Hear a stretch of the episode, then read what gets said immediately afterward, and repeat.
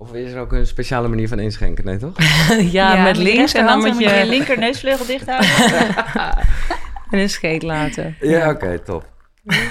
Wij drinken uh, Ayurveda. Oh, kut, het zakje valt erin. Sorry. Dat is Eh, helemaal niet erg. KKV-thee. hoe, wat is het? KKV-thee. Komijn, dat- koriander en venkel. Zaadjes gelezen, thee. ja. Ja.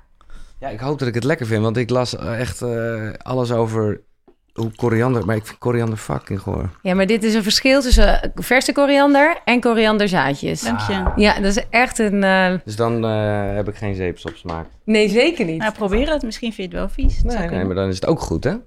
Dan is Dat heb ik laatst wel geleerd. En toen dacht ik, oh, ik moet echt koriander gaan eten. Want dat, juist als je iets niet lekker vindt...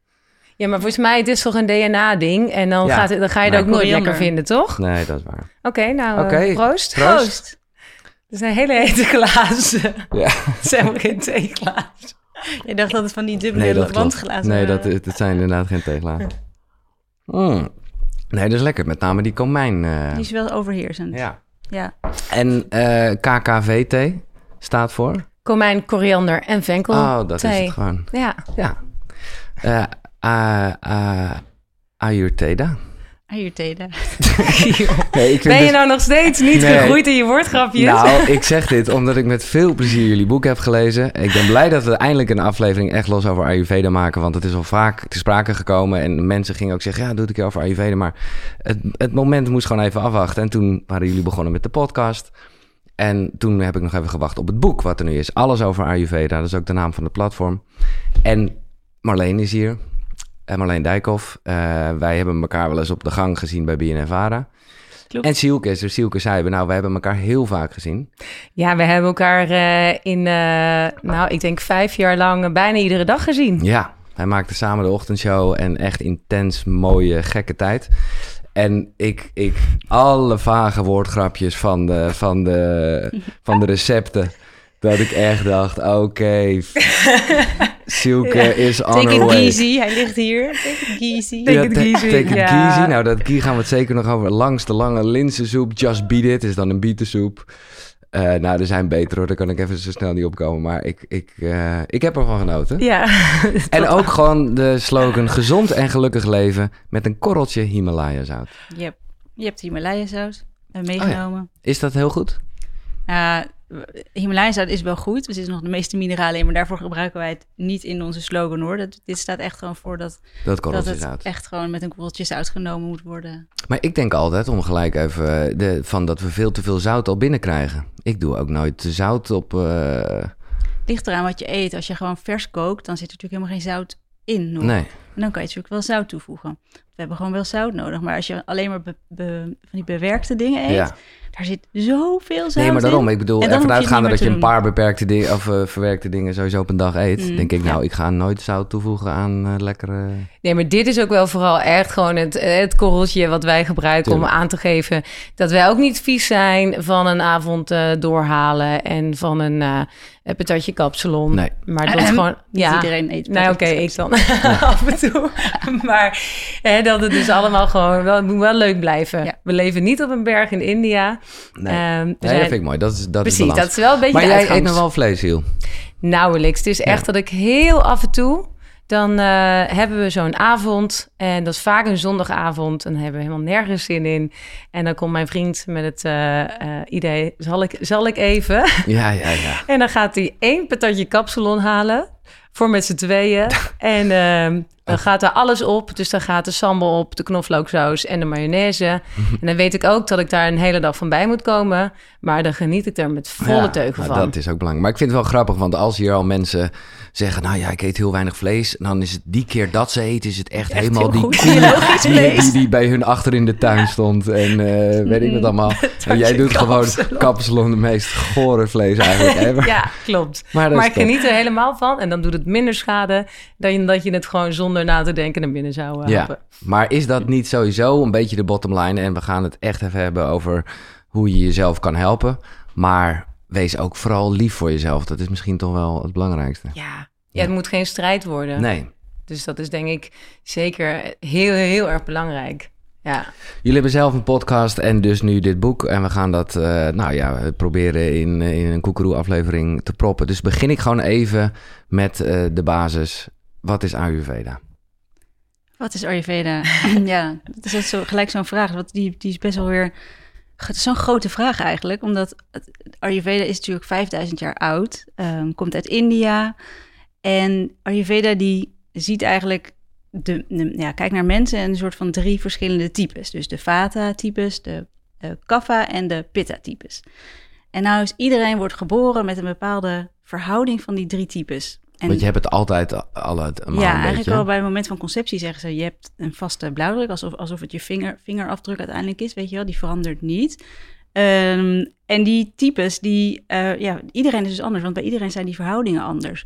Vaak is er één dosha of twee dosha's die domineren. En dan wordt er gezegd, jij bent echt een pitta-type, jij bent echt een vata-pitta-type. Nou, aan de hand van die body-mind-types um, zegt Ayurveda, als je dit doet qua voeding en leefstijl, dan blijf jij gezond. Maar heel vaak is het zo dat we eh, de andere dingen doen die, die goed voor ons zijn. -hmm. Dus een heel pittig persoon die heel erg pittig blijft eten en heel hard werkt, die zal alleen maar nog meer nou ja, pittiger worden en meer pitta worden Mhm. daarmee. En daar dus heel erg in de onbalans gaan. En dat is een beetje Ayurveda, die kijkt dus echt naar wie ben jij, wat heb jij nodig? En als je daarnaar leeft, blijf jij in balans. Ja, dat is denk ik ook wel het mooie ervan. Dat, je, ehm, eh, dat het dus echt een persoonlijk iets is. Dus je kunt wel met z'n allen een bepaald dieet gaan volgen... of met z'n allen in een ijsbad springen. Maar dat is echt niet voor iedereen gezond. Nee. En eh, ik denk dat daarin echt het ook heel veel mensen... eh, die ermee in aanraking komen... die blijven eh, het ook doen omdat je merkt, hé, hey, maar het werkt voor mij. Het past bij mij, ja. Dit is wat bij mij past. En dat betekent dat ik misschien juist uh, niet in dat ijsbad moet springen. En dat ik juist uh, geen rauwkost meer moet eten. En uh, hè, dus Ja. wat voor de een een medicijn is, is een gif voor een ander. Dus dat is denk ik. eh, Mooi. En Ja. dat kan ook iets gezond zijn dus. Ja, precies. En het is, eh, dat vond ik wel mooi. Ik had wel vaker gehoord dat het betekent, eh, wat is het, kennis van leven. Ja, dit- inzicht in het leven. Ja, maar het is wel wat, nog zelfs wel wat breder dan dat. Het is weer dat de, de Nederlandse taal een beetje beperkt is. Ja, in Ja, eigenlijk inderdaad. Een Ja. inzicht in het leven stel ik wel een hele mooie, denk ik. Want Ja. dat is best wel allesomvattend. En eh, eh, ik denk dat je daarin ook nooit bent uitgeleerd. We zijn ook allebei studerenden. En ja, je leert iedere keer weer zoveel meer. En er is Ja. nog zoveel meer Ja. om te leren. Ja, ja. Ja, heerlijk. ja.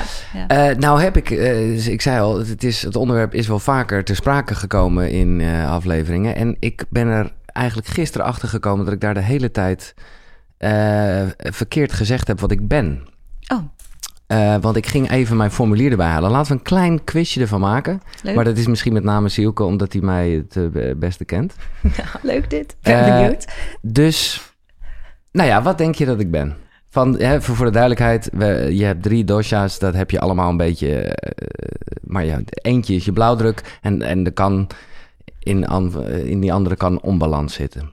Ja, ja mij, kijk, maar ik denk dat jij een, een, een pitta vata bent, qua type.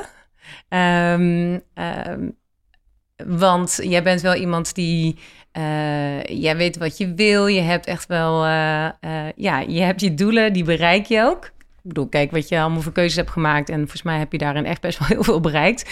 Dus daar ga je voor. Dus je maakt dat volgens mij wel in die zin af. Maar je bent ook iemand die ehm, redelijk...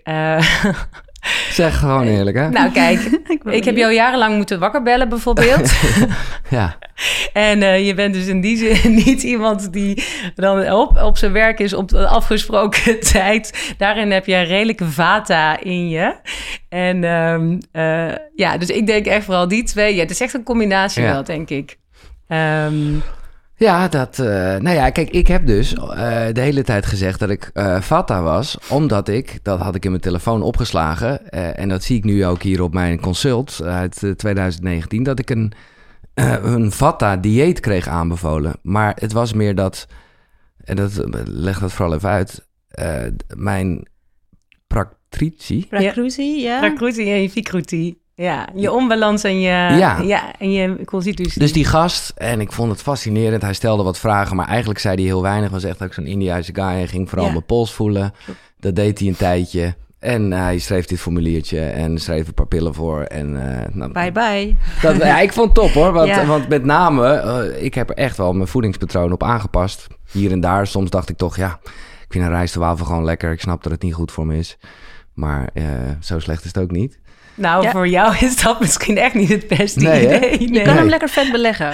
Ja, precies. Ik, weet, ik zal je zeggen, ik weet nog dat ik net toen op een of andere beurs allerlei dadels had gekocht. Ja. Nou, die heb ik gewoon echt eh, nachtenlang in water laten liggen.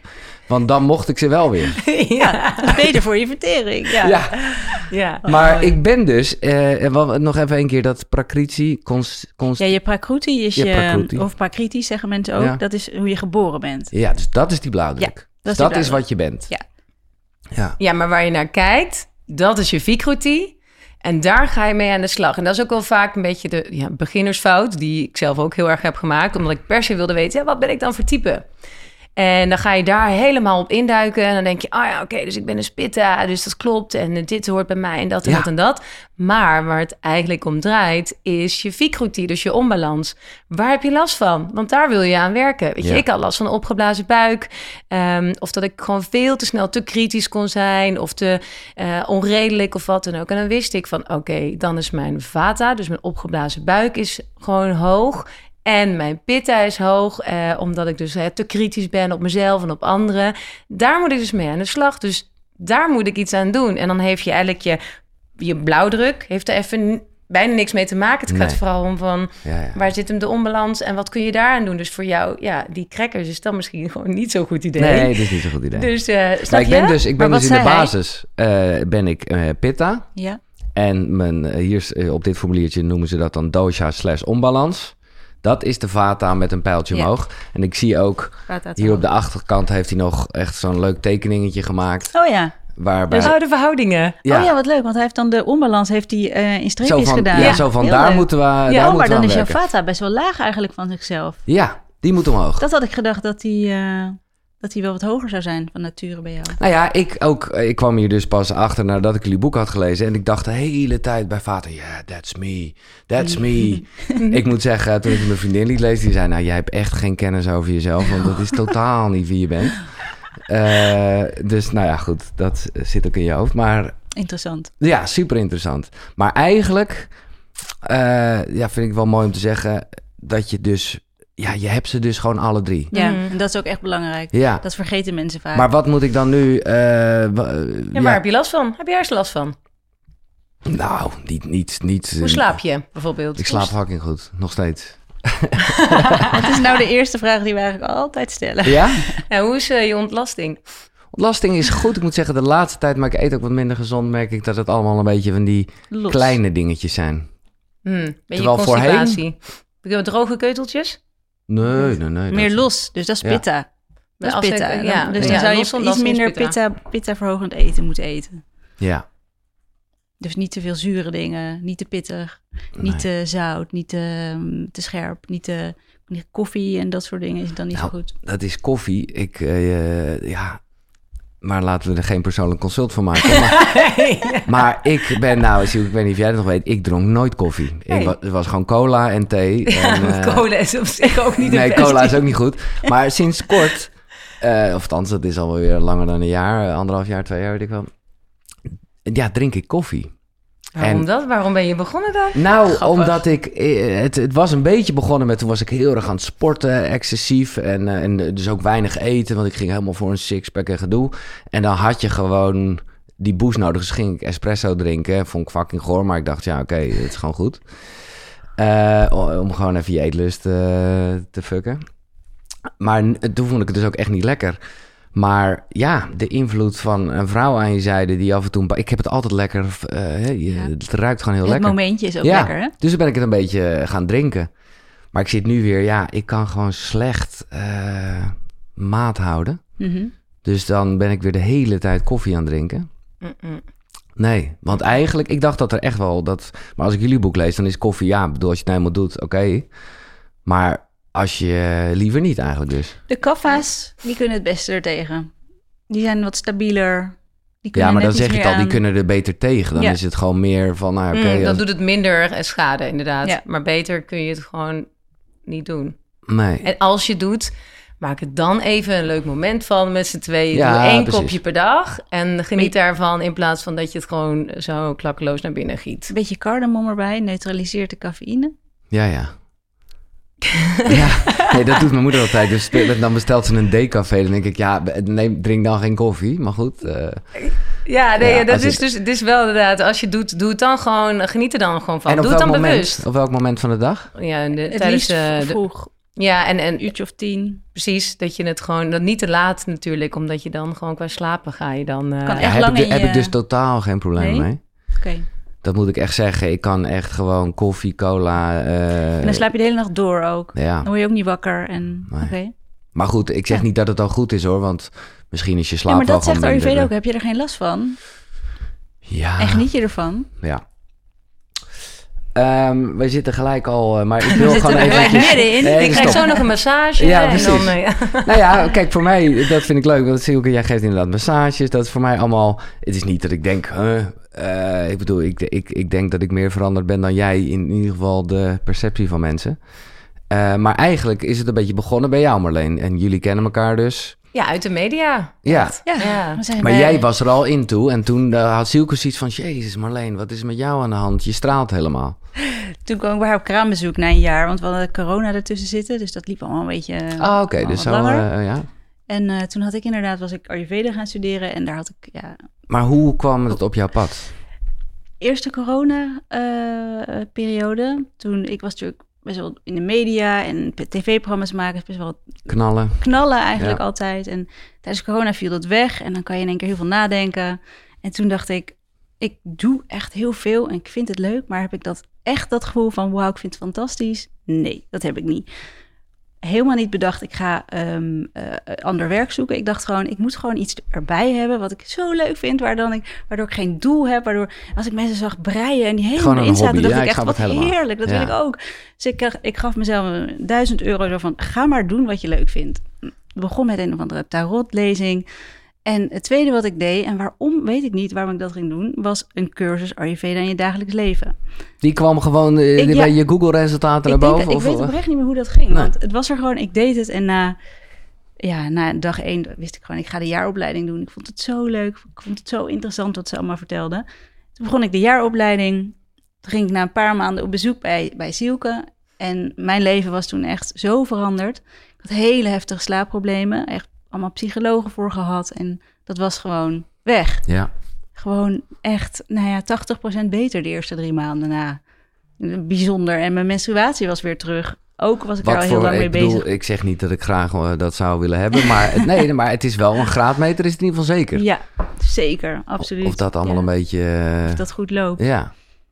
Dus toen kwam ik bij Sielke en ik had toen inmiddels bedacht... als ik in drie maanden dit kan bereiken... dan moeten gewoon meer mensen dit weten. En ik wist zelf hoe ik ooit over Ayurveda dacht. Want ik had net als jij zo'n consult gehad met een Indiase man. En die Oh, dat had je gehad al tadadada, Ja, ja, ja, ja, dit. En dan, het was niet- echt geen uitleg. Ik kreeg gewoon een briefje mee. En met de pillen en de, een paar ademhalingsoefeningen. En Ja. that's it. Ja, En ik deed het. En eh, dat, dat werkte toen ook al, weet je Ja. wel. Dus ik, maar ik dacht, Ayurveda klinkt in mijn ogen...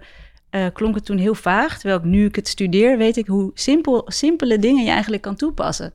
Dus toen kwam ik bij haar en hartstikke leuk kind heeft ze, maar we hebben het niet over de kind gehad. het ging alleen maar over Ayurveda. En ik zei, ja, ik zou er heel graag een podcast over willen maken. Eh, wil, jij, wil jij dat ook? Ja, en toen ging mijn radiohartje natuurlijk Ja. wel weer sneller kloppen. Want ja, ik hou wel gewoon van radio en van audio. En, eh, en ik heb dus in 2016 heb ik een, een eh, yogaopleiding gedaan in India.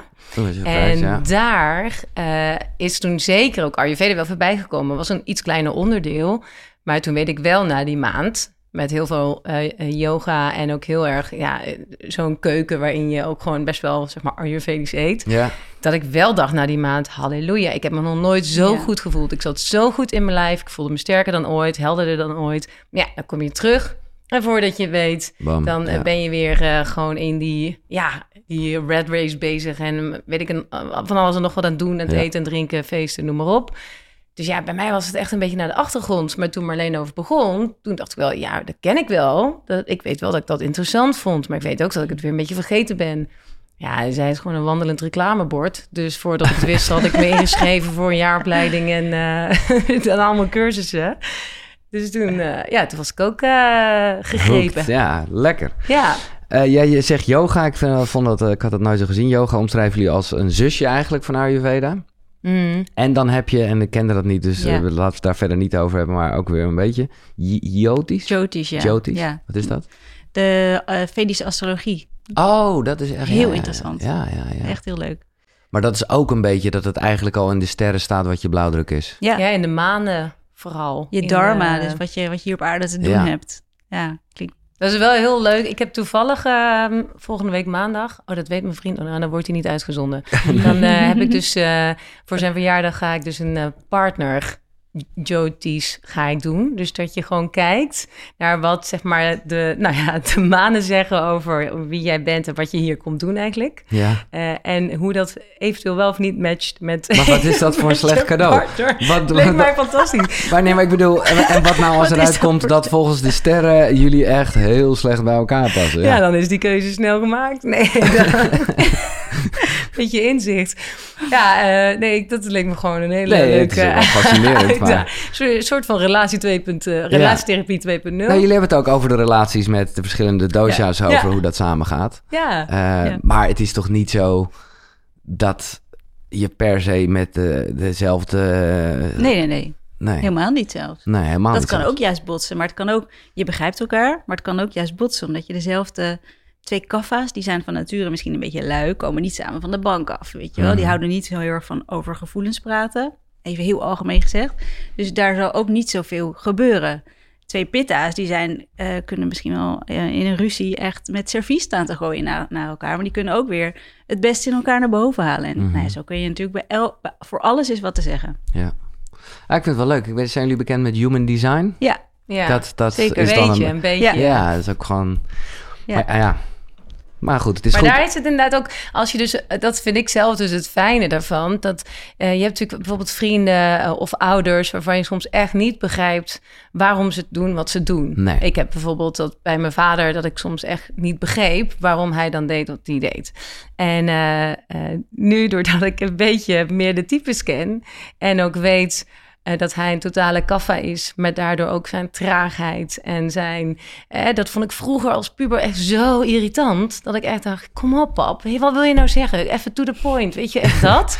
en nu snap ik, weet je, hij is echt ook zo'n olifantengeheugen en, en weet alles, onthoudt alles. Dat is een totale kaffa. Ja. En dat ik daar nu een beetje om kan lachen. Dat ik denk: oh ja, oké, natuurlijk. Ja, daar gaat hij weer vertellen. Of daar komt hij weer met zijn verhalen. En dan. Weet je, dus niet dat ik het minder irritant misschien Nee. vind, maar ik vind het Een gewoon. begrip, ik heb ja. meer begrip. Ja, en ja, dat kan het wel ook creëren. Dus Ja. ook, dat, is- dan word je daardoor wel iets eh, liever misschien ook wel voor je medemens. Omdat het En voor jezelf. en voor jezelf, Ja. ja. Nee, tuurlijk. En het, maar het gevaar zit erin, maar ik denk dat we daar eens over zijn. Kijk, begrip ervoor hebben, eh, maar het gevaar, en dat heb ik ook een beetje met, nou ja, eh, waarom ik vroeger horoscopen gewoon zo vreselijk vond. Omdat je er ook naar kan gaan leven. Je kan ook heel erg zitten van, ja, ik ben nou helemaal fata, dus eh, Ik kom dit... altijd te laat. Ja, weet je, dan is, ja, dan, is dan, dan, dan ga je er echt naar leven als een Ja, soort het mooie is dat, dat je, als je naar de doosjes kijkt, dan heb je de, de, de kwaliteiten en de, de schaduwkanten. Dus, Ja, dus als jij zegt, ja, ik ben vata en kom altijd te laat, dat heeft niet zoveel met jouw vata te maken, maar met je vata onbalans. Dus daar Ja. kan je natuurlijk wel wat aan doen. Dus het is niet zo ehm, want daar kan je wat aan doen door bijvoorbeeld je voeding aan te door je passen. voeding aan te passen, je leefstijl. Ja, daar kan je, kunnen we honderd tips voor geven, maar dat komt op de, in de basis op voeding en leefstijl neer. Ja, Ja. ja. ja. En, en eh, ah, de- ik vertelde net over die rijst en wafels en zo. Wat, Ja. wat, wat zijn dingen die jij Marleen hebt aangepast? Eh, want soms is het best lastig als je Heel iets gewoon lekker vindt. Heel lastig. Ja, ik moest en mijn vata en mijn pitta verlagen. Ja? Ehm, en bij pitta verlagen begin je eigenlijk vaak met tomaten, eh aubergines, paprika weglaten, de zure dingen, Mm. yoghurt, eh, koffie en wijn. Ja, dat zijn eigenlijk maar de pitta echt wel Mhm. de, en scherp eten, maar dat deed ik niet. Dat zijn wel de pitta aanjagers. Eh, maar verder is bij pitta ook heel erg de, de mind die, die zeg maar een beetje gekalmeerd moet worden. Dus meer rust zoeken, Mhm. minder hard sporten. Dat is heel erg pitta die, die daardoor omhoog gaat. En bij Vata ga je juist meer... ehm, eh, ik at heel veel rauwkost. Echt Ja, ja. bakken met rauwkost. Dat ik nu denk, hoe dan? Altijd opgeblazen buik. Ja, de, logisch, want Ja. dat creëert gewoon heel veel lucht in je, in, je, in je buik. Dus daar ben ik mee gestopt. En vooral warm eten en drinken. Dat En drinken, hè? dat god man, dat vond ik ook. eh, ik heb gewoon, ik doe eigenlijk, eh, ja, sinds dat moment eh, voor mezelf watertjes, maar niet meer in de ijskast. Hoe lekker ik het ook altijd vond om zo'n Ja. koud watertje te pakken. Oh nee, dat is echt geen goed Doe, idee. Nee. nog, doe jij het nog steeds niet? Is dat echt uit je systeem dan nu? Ja, ik moet zeggen, ik heb nu, nu ik het bedenk, denk ik, oh ja, ik heb mijn eigen flesjes niet eruit gehaald. Maar ik had gewoon, ik dacht van ja, fuck de ijskast dan maar. Dan doe ik het gewoon eh, Ja. naast de ijskast, het water. Beetje lafjes. Maar goed, ja, het drinkt net zo lekker weg. Ja, de grap is als je het een tijd niet doet en je doet het in één keer dat je echt denkt, wat ligt er, wat zit ik in mijn maag, weet je wel. Dat Ja. heb je wel eens. Dat je echt tijd iets niet doet en dan denk je lichaam daarna echt, wat de fuck gebeurt er? Ja, Een bak ja. met ijs in mijn buik. En jij, eh, Sielke, want ik bedoel, eh, jullie zijn heel eerlijk eh, in je podcast en je boek. Ik, maar dat zegt misschien ook iets over mijn egocentrische staat van zijn. Maar ik was niet echt bewust van het feit dat jij la- vaak last had van opgeblazen buiken en toestanden. Oh ja, is, ja, maar dat is dus ook iets wat je eh, verbergt. Wat je eh, letterlijk gewoon maar je buik inhoudt. Ik denk dat heel, vooral heel veel vrouwen eh, heel veel hun buik inhouden. Ik heb echt ook gewoon... Ja, vroeger gewoon zelfs feestjes of avonden uitgeskipt. Omdat ik gewoon na het eten gewoon zo'n opgeblazen buik had. En gewoon dacht, ik wil eigenlijk alleen maar liggen op de bank. En gewoon scheten laten op dat die lucht eruit moet. En ik kan nu niet rechtop staan. Dus ehm, ik denk echt toen wij ook een aflevering hebben gemaakt over eh, opgeblazen buik, dat we zoveel reacties kregen van vrouwen die daar last van hebben.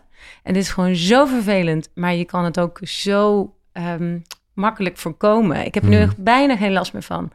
Dus ik, ik had bijvoorbeeld heel veel kauwgom Oh. in de auto. Gewoon echt, weet je, zo, dan had je zo'n pakje en dan was het gewoon in mijn autorit. Dan had ik gewoon tien van die kauwgoms in mijn mond, weet je wel? Zeer herkenbaar. Ja, ja dat is natuurlijk totaal waterverhoging. Want je hebt gewoon valse lucht eigenlijk die je de hele tijd binnenkrijgt.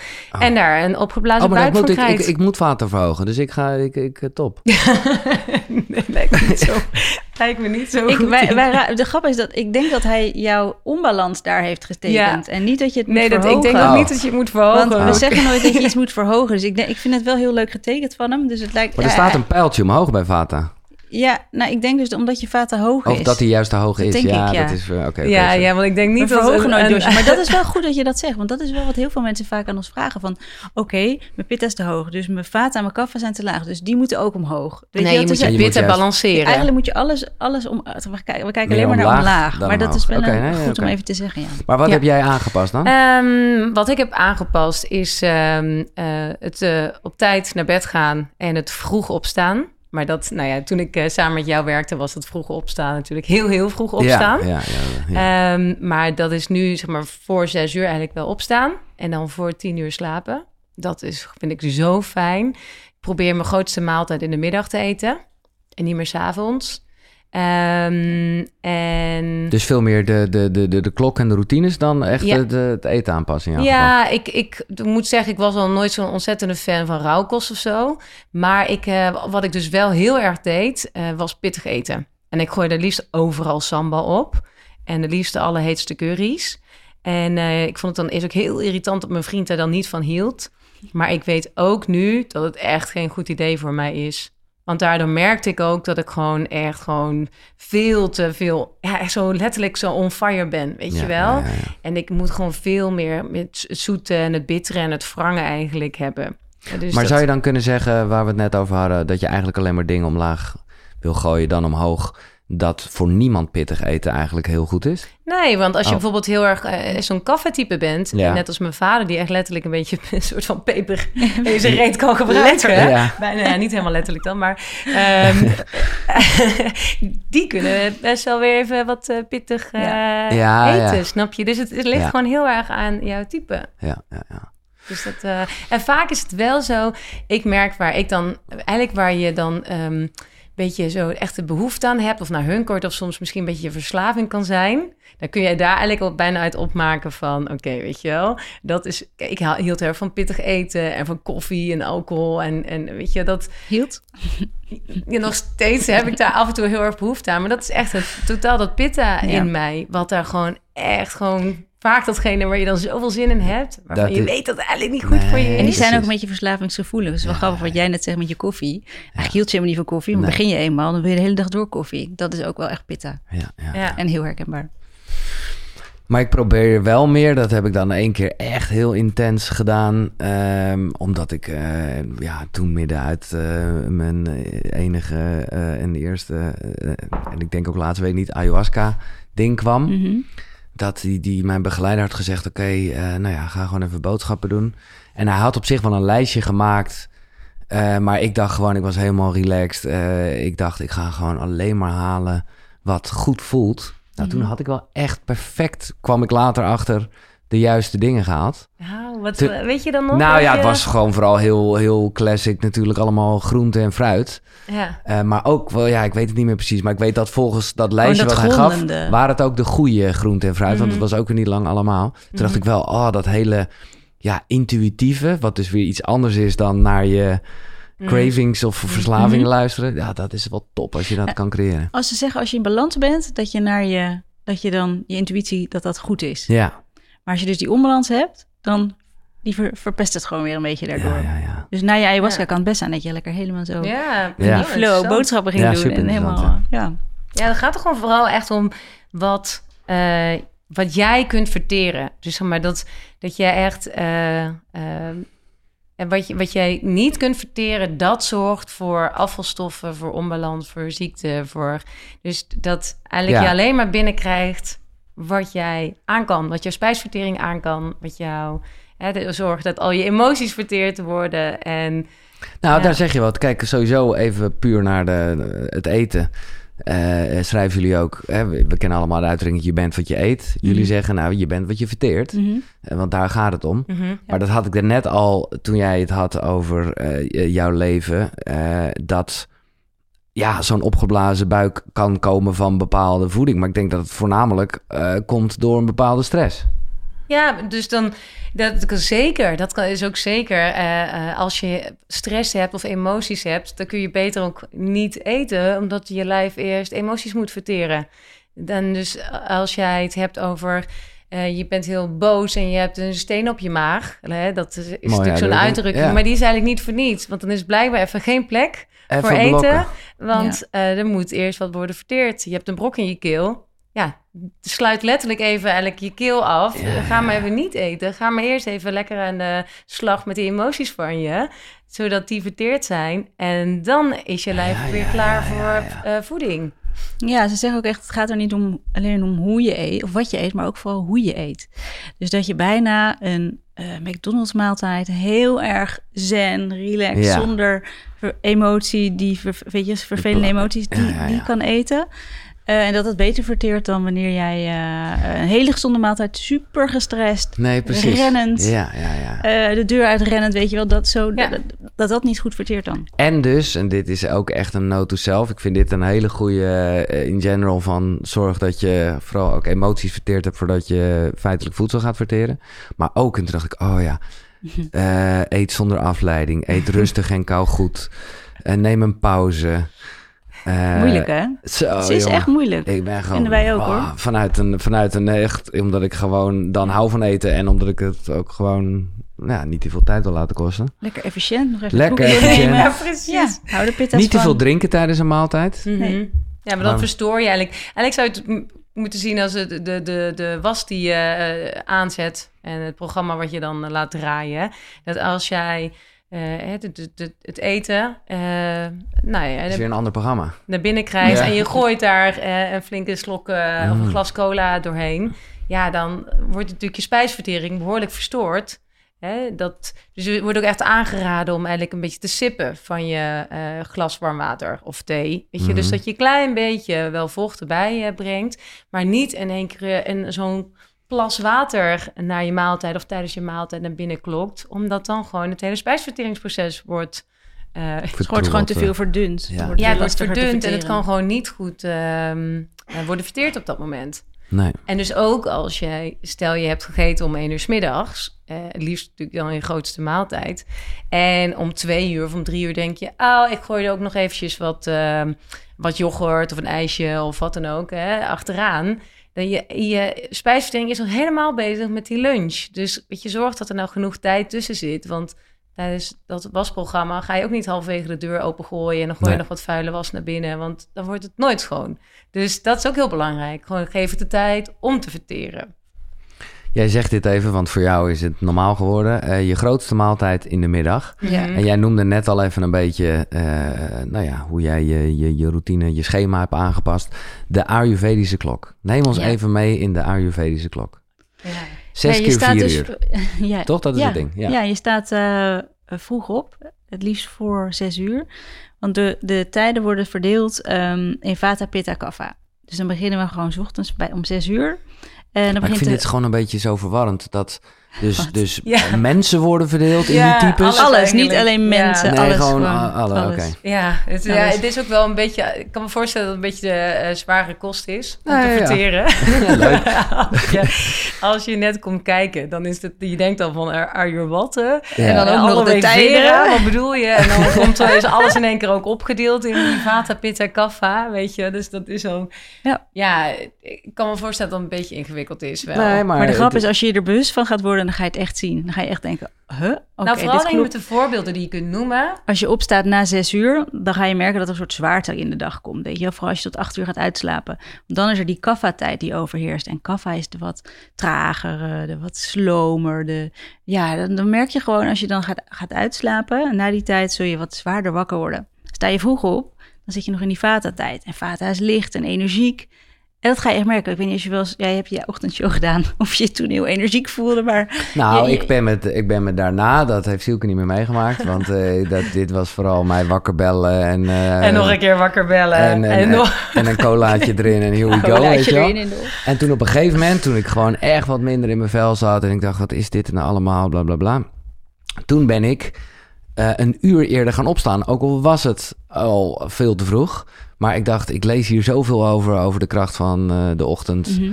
Dus eh, ik weet dat ik altijd, nou ja, zo rond half vijf ging jij me bellen waarschijnlijk. Mhm, Ja, klopt, dat ik ja. er echt half vier van heb gemaakt. eh, en gewoon een uur voor mezelf had. Nou, zonder dat ik dat deelde met mijn collega's, zeiden die na een week al zo. Nou ja, Mhm. dan kreeg ik allemaal aanwijzingen van dat ik ook wel wist, oké, dit ga ik nooit meer veranderen. Wat fijn. Ja, dat was heel fijn. Maar ik zeg erbij, maar laten we even de klok afmaken. Het moet ook wel kunnen. Eh, in gewoon je, ik bedoel, ik heb nu een programma, want ik maak nog wel een, ra- een radioshowtje tussen 10 en 12 Ja. s'avonds. Nou, het is dus gewoon fuck het hele schema maar. Want ja, eh, dan vergeet het maar. ja. Ja, je kan nooit voor tien uur in bed liggen. Hè? Nee. Laat staan dat je zonder adrenaline in je bed Nee. ligt. Dus ja, dat Dus tussen die twee zin, en eh, zes. eh, maar dan doe je echt- wat je kan, toch? Nee, nee, ja. ik doe, precies. Dat is altijd het mooie. Ja, Maar goed, laten we even nog eh, de, de, de... maar dit is natuurlijk wel, want herken je het wel dat als je dus. je het, misschien eh, als mensen luisteren, die, die herkennen het vast wel. Dat als je dan wakker wordt, gewoon uit jezelf.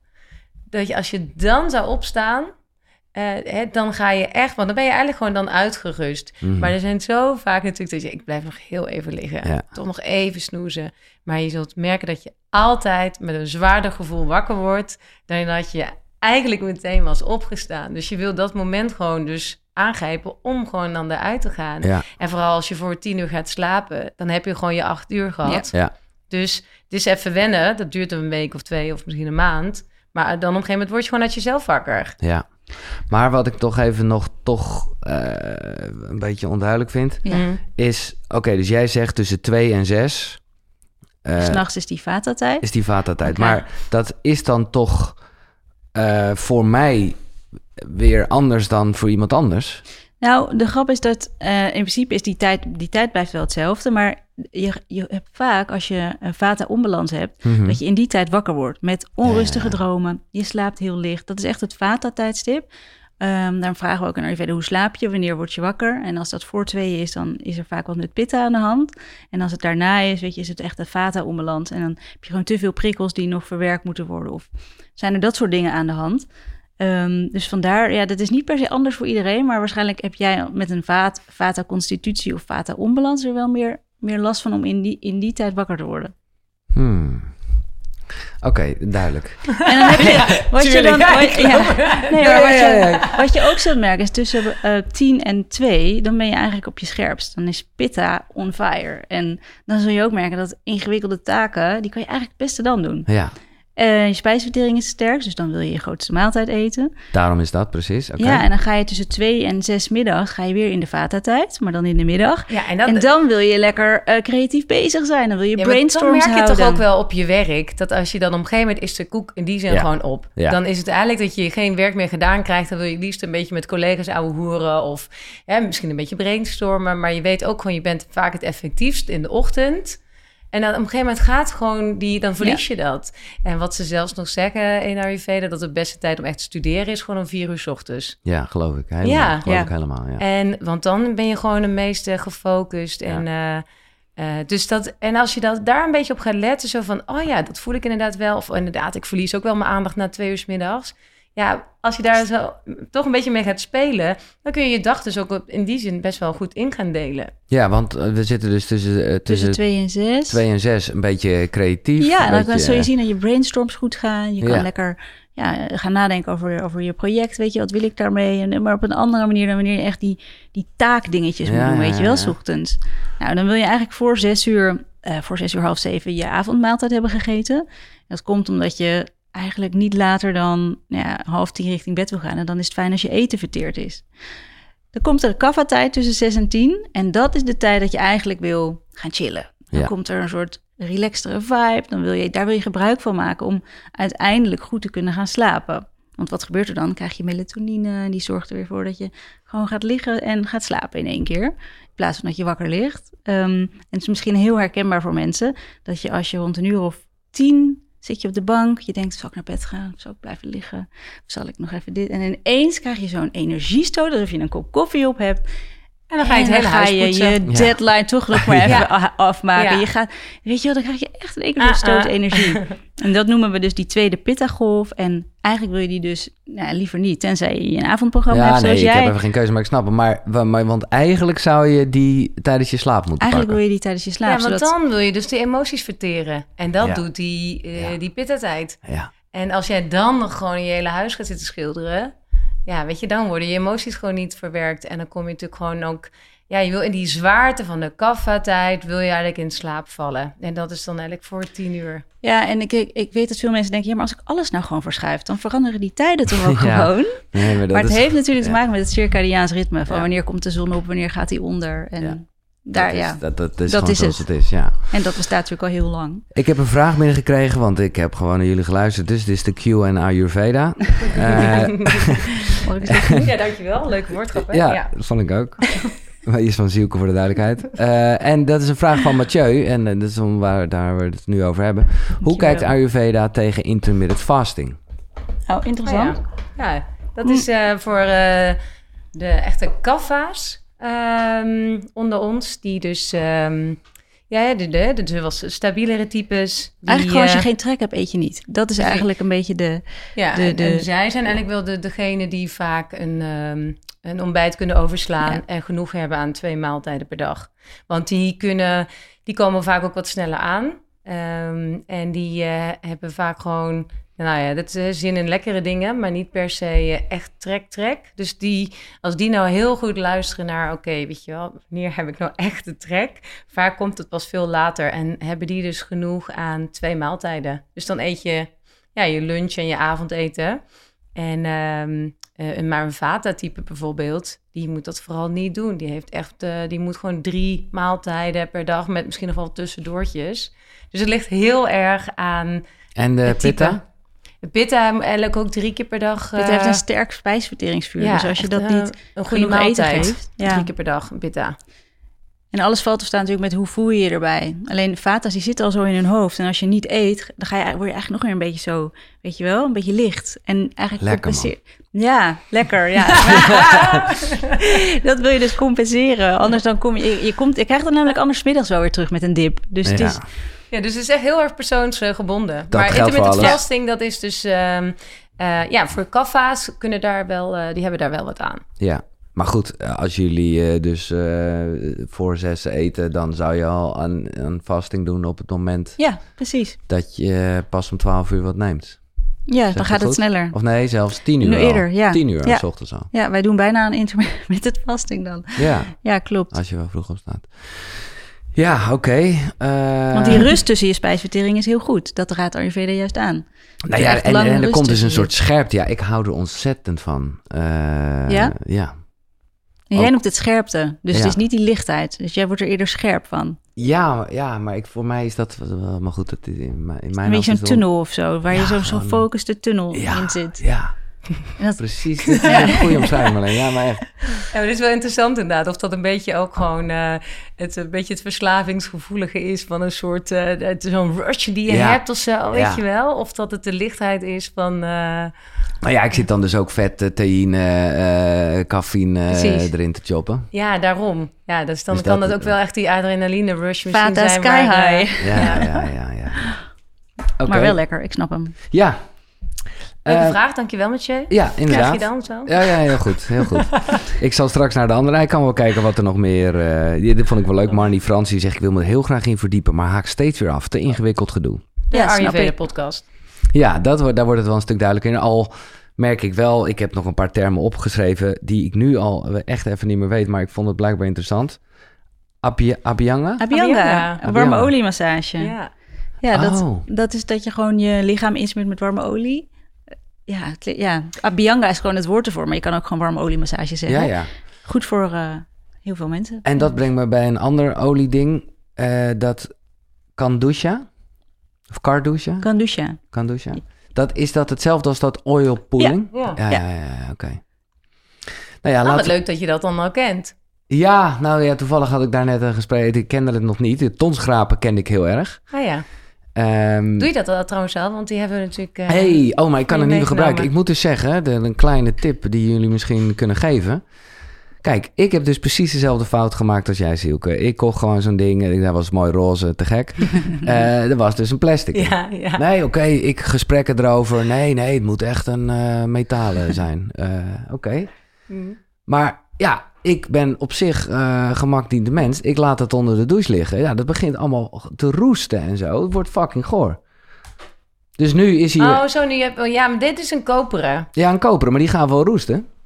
Ja, maar laat je... Ja, ik... ehm Maar goed, ik zal je het dan niet... er gewoon dan even bij je wasbak neerleggen. Ja. In een, eh, je... Ik vind het zo lekker onder de douche. Oh, zo. Nou ja, je doet wat je kan, hè? Zo is het ook. zo is het ook. Dat je Eh. het inderdaad al gewoon daarmee bezig bent. En want mis je het ook als je het dan niet doet? Of is je- zit het nog niet zo in je routine? Mm. Nou, dan ga ik gewoon overdreven erg mijn tanden poetsen. ja. Dat doe ik nu een beetje, vind ik toch minder. En ik moet zeggen, maar dat geldt Je voor een bedoelt als je hem dingen. vergeten bent. Ja, Dan kan je gewoon een lepel pakken.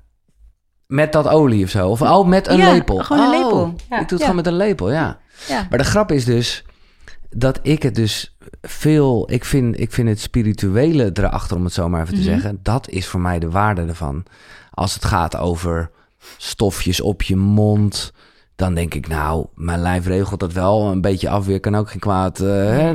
Maar het idee van 's ochtends alles van de vorige dag Mm. achter je schrapen... en zo Mhm. heb ik het een beetje dan... in het begin kwam ik mee naar... dacht ik, oh, dat vind ik een lekker gevoel. Maar dit is denk ik wel Mooi. heel mooi wat je zegt. Want eh, kijk, routines is dan heel belangrijk. Maar ik denk dat het heel eh, goed kan zijn om van routines een beetje rituelen te maken. Ja. Dus dat je dus dan iedere ochtend heb je je routines die je dan doet. Maar als je er nou een ritueeltje van maakt met bijvoorbeeld nog een bepaalde geur die je erbij gebruikt. Of een muziekje wat je erbij Mhm. aanzet. Ik vind het zelf heel fijn, ook bijvoorbeeld met mijn kindje naar bed brengen. Dat ik dus ook s'avonds een soort van ja, ritueeltje maak Ja. van de routine. Ja. Dan krijgt het net een andere lading. En ik denk dat dat dus dan nog extra Ja. door kan werken. Nou ja, of juist zo ben ik een beetje begonnen met toen ik een uur eerder ging opstaan. Ik, ik zou het bijna willen omdraaien, maar we zijn het eens. eh, Dat je juist begint met er heel erg een soort ritueel van te maken. En echt, oh, een momentje voor jezelf. Uh-huh, en, hè? ja. en dat wordt dan later een Ja. routine Ja, waarbij je er iets Ja, minder ja, over ja, ja. nadenkt. Ja, maar, dat is helemaal eens. Ja, ja. precies. Het maakt eigenlijk niet uit welke volgorde Nee. dat je doet. Maar als je, dat is natuurlijk het verschil. Een routine doe je eigenlijk zonder nadenken. En een ritueel doe je dan je bewust. Ja, klopt. Nou ja, we, we glijden zo in eh, de vraag die in elk gesprek vanaf begin af aan terugkomt. En dat is de vraag, wat is je ochtendritueel? Maar ik ga heel even plassen, dat is ook een soort... eh, We laten hem gewoon doorlopen. Want eh, begin jij even, ga je eerst aan de wc, Giel, voordat je, als je opstaat als eerste? Ja, ja, is echt al vanaf de eerste aflevering. Toen was ik daar helemaal in toe. En eh, nou ja, het is fascinerend. Het is ook fascinerend, toch? Want Ja. eigenlijk zijn we mijn leven bestond eigenlijk altijd uit... oké, ja, oh, ik moet eruit. Ik word gewekt door mijn kind, weet je wel. De, de- gewoon uit, vanuit iemand anders, of de wekker of een kind... of de, de deadline van iets, eh, vroeg op te staan. En door Ayurveda leer je ineens... oké, ik ga heel vroeg opstaan... Eh, en dan heb je ineens zelf de regie in de handen Ja, ochtend. en dat is zo lekker. Ja, laten we met jou beginnen, Marleen. Dus, dus er gaat wel een wekker, want anders... Nee, er gaat dus nooit een wekker. Nee? De grap was, wij hebben afgelopen weekend een retreat gehost en ik had dus geen wekker gezet. En ik had zo diep geslapen dat ik voor het eerst sinds, nou ik weet niet hoe lang wakker werd en dacht, het zou echt kunnen dat het nu half acht is. Ik weet namelijk altijd precies hoe laat het is als ik wakker word. Maar nu dacht ik, het zou zomaar kunnen. En ik keek en het was gelukkig kwart voor zes. Maar ik zet dus nooit een wekker, omdat het gewoon, ik word altijd wakker. Ja, Voor zessen, Ja. want je bent om tien uur gaan slapen, dus je hebt je acht uur of zeven en half. als ik om drie uur ga slapen, word ik Ja? ook zo vroeg wakker. Wauw. Het zit gewoon in Mm, mijn systeem. helemaal nou, dan baal ik wel hoor, want dan zou ik ook best wel eventjes nog Ja, natuurlijk. Maar dan is, en dat heb ik het vaak ook met slaapexperts hier aan tafel over gehad, dan is, je kan beter dan Ja. een kort nachtje pakken en je wel aan je Zeker. schema houden, om het zo maar te zeggen. Dan eh, denken, oh, ik moet mijn uren slapen. gaat tot elf uur slapen en dan slaap je s'avonds weer niet. Ja. En dan kom je weer in zo'n Nee. Oké, cirkel. dus er gaat geen wekker, maar jij geen wordt, wekker. jij wordt wakker voor zessen en dan? Ik word wakker, ik ga eruit en dan is mijn... eh, ik ga eigenlijk altijd eerst naar het toilet. En dan ga ik daarna, wat doe ik dan? Ik, ik, heb, ik, ik vind het ook best wel lekker om een beetje te roleren in de dingen die ik Mhm. doe. Zodat het niet een soort vast stramien is, Nee. omdat ik daar wel heel gevoelig voor ben. Ik ben iemand die met zo'n lijstje de, de badkamer in ging in het begin met... nee, check, ja, check, heeft mij in het begin veel gebracht. Mij ook wel, Maar, het moet wordt je wel... een beetje, een beetje rigide doctrine, dan. Ja. Dus ik ga dan mijn tong schrapen. ehm, dan ga ik tong schrapen, douchen. Ik vind douchen gelijk zo lekker. Dat, het- ja, dan word ik gewoon helemaal blij. Lekker onder een warme douche. En dan ga ik me daarna insmeren met olie. Dat is de Abhyanga massage waar we het net over hadden. En daar is de bedoeling van dat je het met aandacht doet. Nou heb ik het het eerste jaar echt zo gedaan.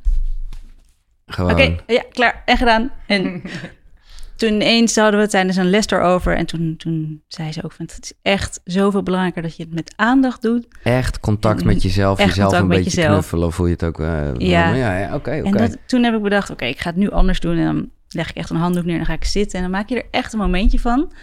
En vaak zit ik gewoon zo lekker in mijn badkamer... dat ik daar mijn meditatie Ja. doe en mijn ademhalingsoefeningen. En dan kan die olie ook intrekken.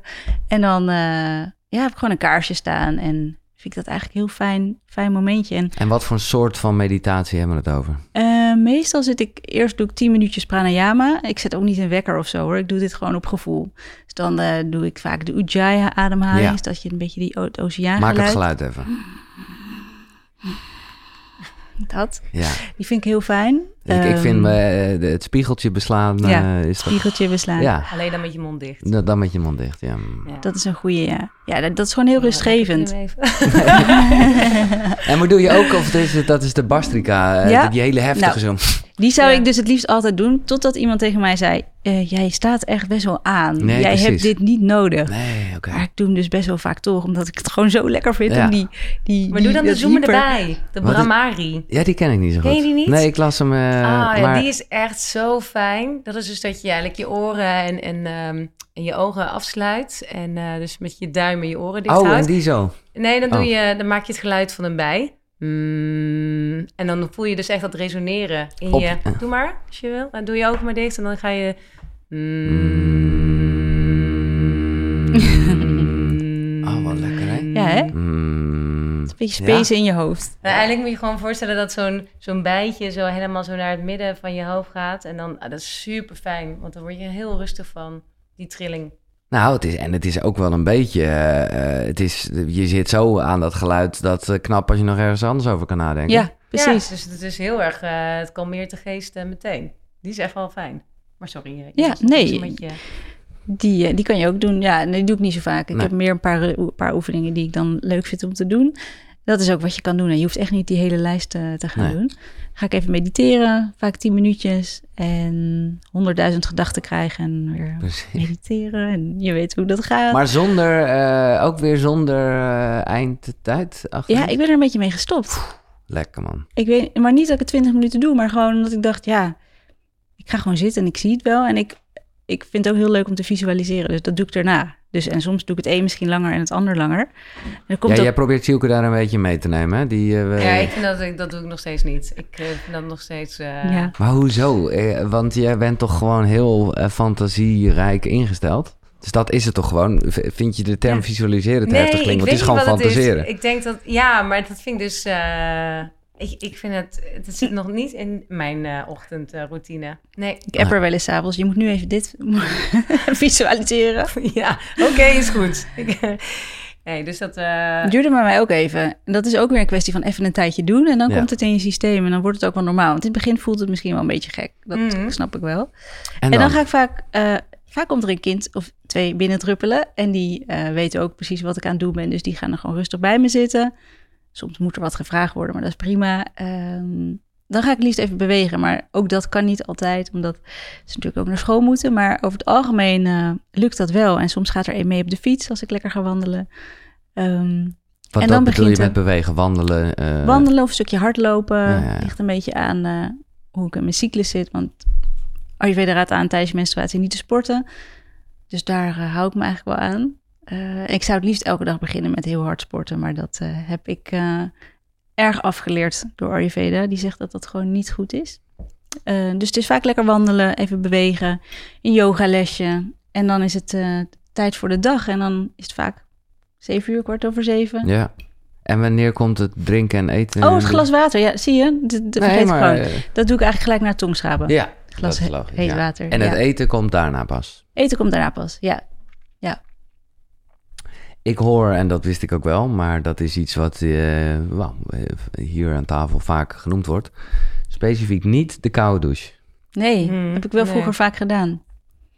nee. In Ayurveda wordt het dus afgeraden omdat het onwijs vata verhogend is. En we hebben bijna allemaal al een vata onbalans. Die is bij bijna iedereen al te hoog doordat we zoveel prikkels op ons afkrijgen.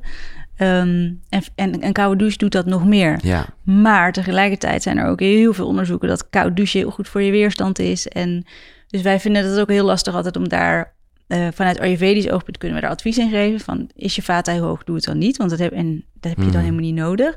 Ehm, maar ja, als je jij er super goed bij voelt, eh, dan zeggen we ook, we hadden het van het weekend precies. weer met mensen Ja, over. Die genoten zo van een duik in de zee, één Ja. keer per week in het ijskoude water. Dan weet je, als je er zo blij van wordt. Ja, weet precies. alleen En dat als je daarna moment is met z'n tweeën. Nou ja, en daarna kan je het weer compenseren. Dan weet Ja. je, oké, ik heb nu zo koud gedoucht. Eigenlijk supergoed om daarna lekker warme thee te drinken. Misschien die Abhyanga. warme oliemassage te doen. Massage, ja.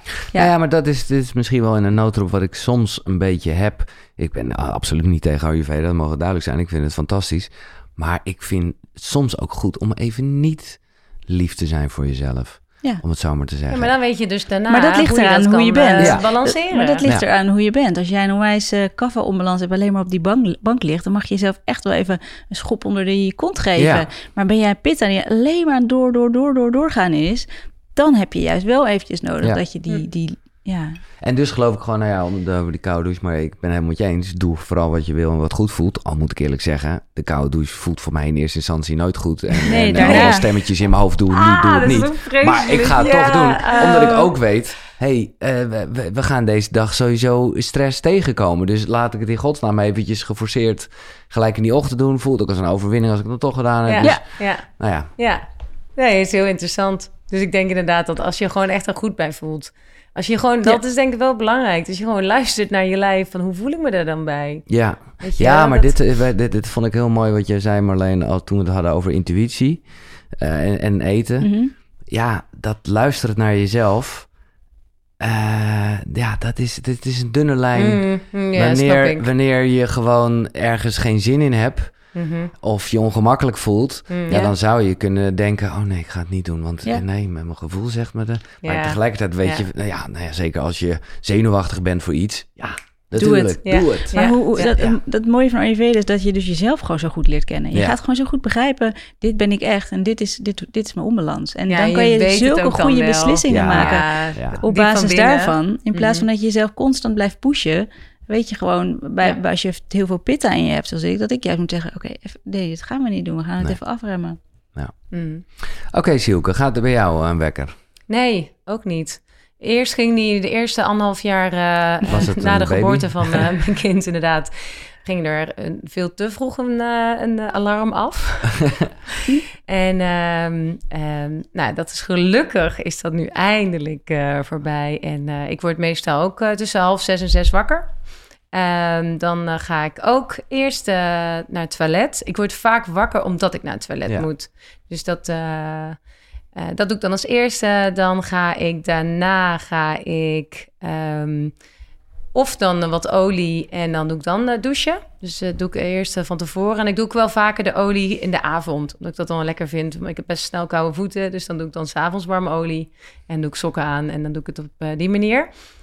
dus dan ga ik douchen. En dan ga ik dan beneden mijn tong schrapen. Mijn tanden poetsen. En dan heb ik ondertussen de waterkoker al aangezet. Die dan ook een beetje is afgekoeld. En dan doe ik wat warm water met wat ghee.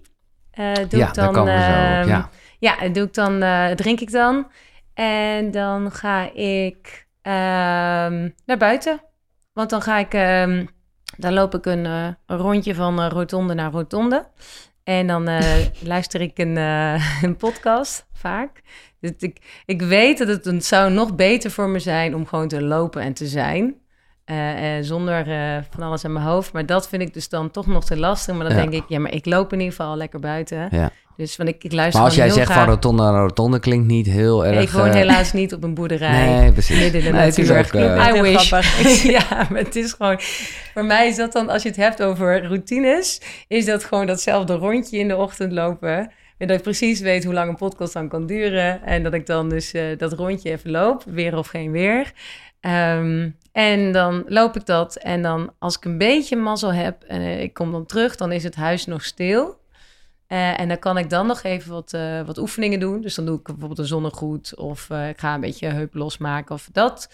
En, maar eigenlijk vaak is het al dat dan eh, een kleine driejarig alarmpje van eh, boven Hmm. klinkt. En dan eigenlijk begint dan de dag gewoon eh, Ja. met, eh, ja, met kind en Ja, en ik denk dat we allebei die neti-pot vergeten. Dat je zo'n eh, Ja, beetje af en toe. he- met warm water, dat je je neus een beetje spoelt met een beetje Oh, zout. ja. Maar dat Ja. zit niet Wat vast doe je in ook als je niet verkouden bent? Nee, nou, ik merk als, een beetje dit seizoen, dan probeer ik dat wel gewoon te doen. Dan merk ik dat het ook gewoon heel lekker vind om even te doen. Heb ik dat van jou, Silke, deze tip van jaren geleden? Dat Nee, zou, ik denk- Ja, dat zou kunnen inderdaad. Want ik heb die doede al heel lang. Ja, Ja, zo'n eh, klein gietertje zeg Ja, maar. Van je gietertje, ene ja. neus eh, uit en dan... eh ik doe altijd net iets te veel zout erin. eh, Ja, maar ik je wil even lekker Echt oh. ervoor zorgen. Ja. Of net te, of net te heet water. ja, precies. Zo, hé. Ja, dat is niet Oh, je fijn. moet echt er wel goed voor zorgen dat dus het zoute water ook echt allemaal goed eruit is. Want anders veroorzaak je eigenlijk nog meer kaffa. En dat is dus eigenlijk Ja. hetgeen wat het dus nog meer slijm veroorzaakt. Dus je moet wel echt zorgen dat het goed Ja. eruit is ge... ja. Maar ja. goed, dat, dat neusdruppelen vind ik dan eh, eh, tamelijk onschuldig. Maar Oh ja, ik vergeet Ja? dus nog mijn Oh, sorry. mond. eh, sorry, Oh ja, ja, nu vergat ik... hem ook. Ja? Ja, De oilpooling. de oilpooling. Oh ja, dus dat precies. eh, na tanden dus je doet poetsen... en tongschrapen en... Oh, ik dacht dat het een beetje Ja, het doe een of dus het een tongschrapen, dan doe ik mijn tanden poetsen en dan doe ik eh, een ehm, eh, theelepel kokosolie. Ik neem wat een eetlepel. Ja, ik doe een goede theelepel. Ja, dat En dan doe ik eh, kokosolie, laat ik Ja. gewoon smelten in mijn mond. En dan ga ik dan gewoon, die trek ik zeg maar door mijn tanden. Om zo, eh, Is het heel goor? Of het is Nee, nou kokos? lekker. Dat is Lekker. oké. ja, ik, Ja. ik vind kokosolie heel lekker. Goed voor als je ontstoken tandvlees hebt ook. Eh. Of als je een droge mond hebt vaak. Want wat is, eh, even los van dat je... De, dus, maar waarom, waarom, zou je het, waarom doe je het? Ja, ik heb dus best wel eh, last van een beetje terugtrekkend tandvlees. En ehm, dus ook snel, ja, een beetje meer die pittig gerelateerde klachten. Dus dat ik ook echt, eh, ehm, ja, het snel bloed, weet je, met Ja. Dus eh, echt om een beetje beschermlaagje ook eh, te creëren door ehm kokosolie. Dus dat je echt met de olie een beetje, ja, Maar net is- als dat je op je huid ook een eh, fijn laagje dan krijgt. Ja, Ook van binnen. Dat kun je dus ook in je neus eh, doen. maar is, is, zijn we niet gewoon goed zoals we zijn? Dat we dit eh, allemaal eh, moeten doen? Maar waarom poets jij je tanden? Nee, dat is een goeie. Dat is eh, exact dat. Oeps, sorry. Ja, dus het, het gaat wel echt over het... eh, ik denk jezelf gewoon echt onderhouden. Het goed reinigen. Net als dat je je auto eh, ieder jaar... eh, hè, de Even een grote beurt laten doen. een grote beurt. Weet je, dan doe je bijvoorbeeld een Ayurveda detoxje eh, Ja. twee keer per jaar. Om eh, je lijf eigenlijk klaar te maken. Gewoon een soepele overgang in het nieuwe seizoen. Eh, en een, ja, een reiniging eh, voor je lijf. En eh, afvalstoffen verwijderen. Dus Maar je ziet het gewoon eigenlijk als een, een, een, een auto die ook gewoon... Maar eh, is dat aan de hand van een bepaalde voeding of juist Ja. even geen bepaalde voeding? Ja, dus Ja. eh, je hebt een, eh, eigenlijk een monodieet van Kitchery. Dus dat eh, is op basis van mungbonen en oh ja, die rijst. mungbonen, die is ja, top, hè? die hebben een schapende werking. Dus daarmee kun je echt gewoon van binnen goed reinigen. En eh, dat eet je dan ja, ligt ook eigenlijk aan je hè, constitutie en je onbalans. Eet je dat een aantal dagen en op die manier dan eh, ja, reinig je echt je lijf. Dus dan stop je met koffie, suiker, alcohol, bewerkte voeding. Maar het mooie van zo'n reiniging, want we zijn natuurlijk best wel gewend aan, aan sapkuren. Tenminste, Mhm. dat was mijn eerste idee Ja, toen ja, iemand zei, we gaan een reiniging doen. Ja, Toen dacht ik, zuurkool. oh mijn god, nee. Maar het is dus, je eet wel echt gewoon volwaardige gerechten, waardoor je eigenlijk ook geen, geen trek hebt. Nee. Dat is wel, vind ik, echt een groot pluspunt. En het is ook veel beter voor je. Je kan gewoon normaal functioneren. Je ligt niet als een soort... eh Nee. hebt misschien een beetje hoofdpijn omdat je geen Ja. koffie drinkt. Dat Ja. is natuurlijk wel een Ja, veel voorkomende... ja.